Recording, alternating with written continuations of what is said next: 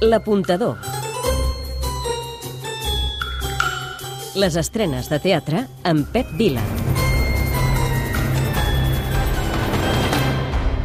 Arriba al teatre, en concret a la Biblioteca de Catalunya, la multipremiada novel·la Canto jo i la muntanya balla. Vam arribar amb les panxes plenes, doloroses.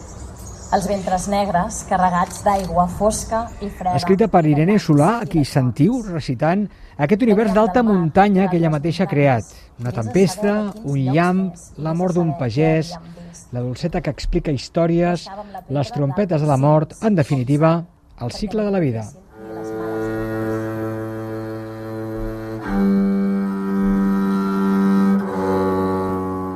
L'aposta de l'apuntador. Tres motius per veure-la. El primer, Doncs justament per aquesta màgia, pel món d'alta muntanya que ha creat l'escriptora. És un món poètic i imaginatiu, minimalista, amb personatges fantasmes, la duresa del paisatge i també la bellesa que veurem com queden trasplantats estèticament a l'escena de la biblioteca.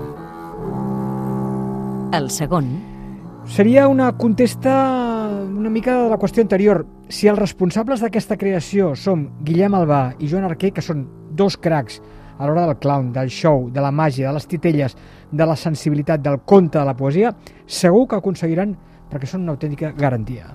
el tercer, Perquè la direcció li afegim un repartiment format, entre d'altres, per Laura Obert o Anna Saún. També li faltava la música i n'és l'encarregada la Judit Nederman, que per primera vegada ha fet una composició sencera.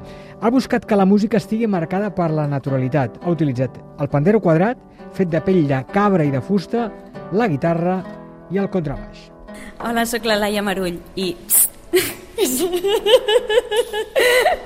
És l'apuntador qui us ho recomana. A la Barro no li agradarà que estiguis trista. Ella creu que hem d'estar felices.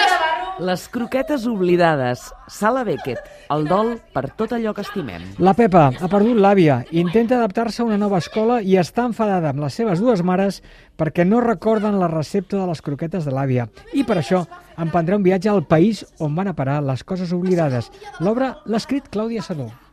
Sempre passa, quan estàs a punt d'estrenar sempre vols més temps, no? I de cop, per coses de d'una pandèmia mundial hem tingut més temps. L'ha dirigit Israel Solà i la interpreten. Caral Casasalles, Magda Puig i Bàrbara Roig. Parla de si és bo passar un dol o no, de la possibilitat de viure totes les parts de la vida, fins i tot les que ens fan mal.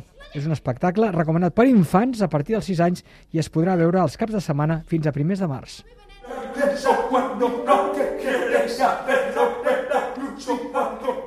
Radio Nit, Acadèmia Teatre. Continua l'homenatge a Moreno Bernardi. del qual fins fa pocs dies es va veure La nit, on adaptava l'obra de Colté, i ara el personatge mateix de Colté es manifesta a l'escenari a través de l'actuació de Bernardi. Les paraules que retorcen els cossos dels intèrprets i també el cant de l'alegria que evoca el malson en què s'ha convertit Europa pels els deixats de banda. És una obra que interpreten el Guillem Cafell i el David Menéndez.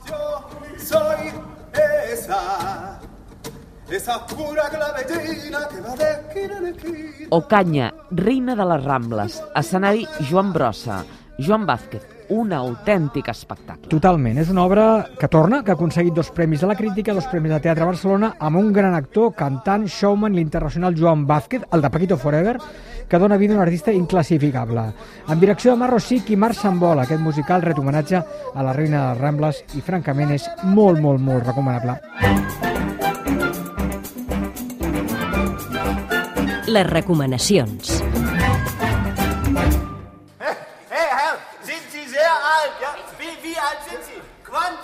Años tienen? La nit de la iguana.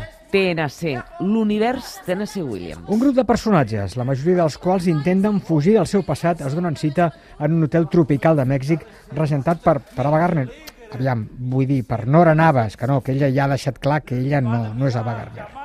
El millor. L'escenografia de Max Glenzeller, absolutament espectacular. És un hotel amb aigua sota les columnes que ens trasllada a un paradís tropical, que de paradís no en té res. El pitjor. En algun moment, l'excessiva histèria i crits d'alguns dels personatges.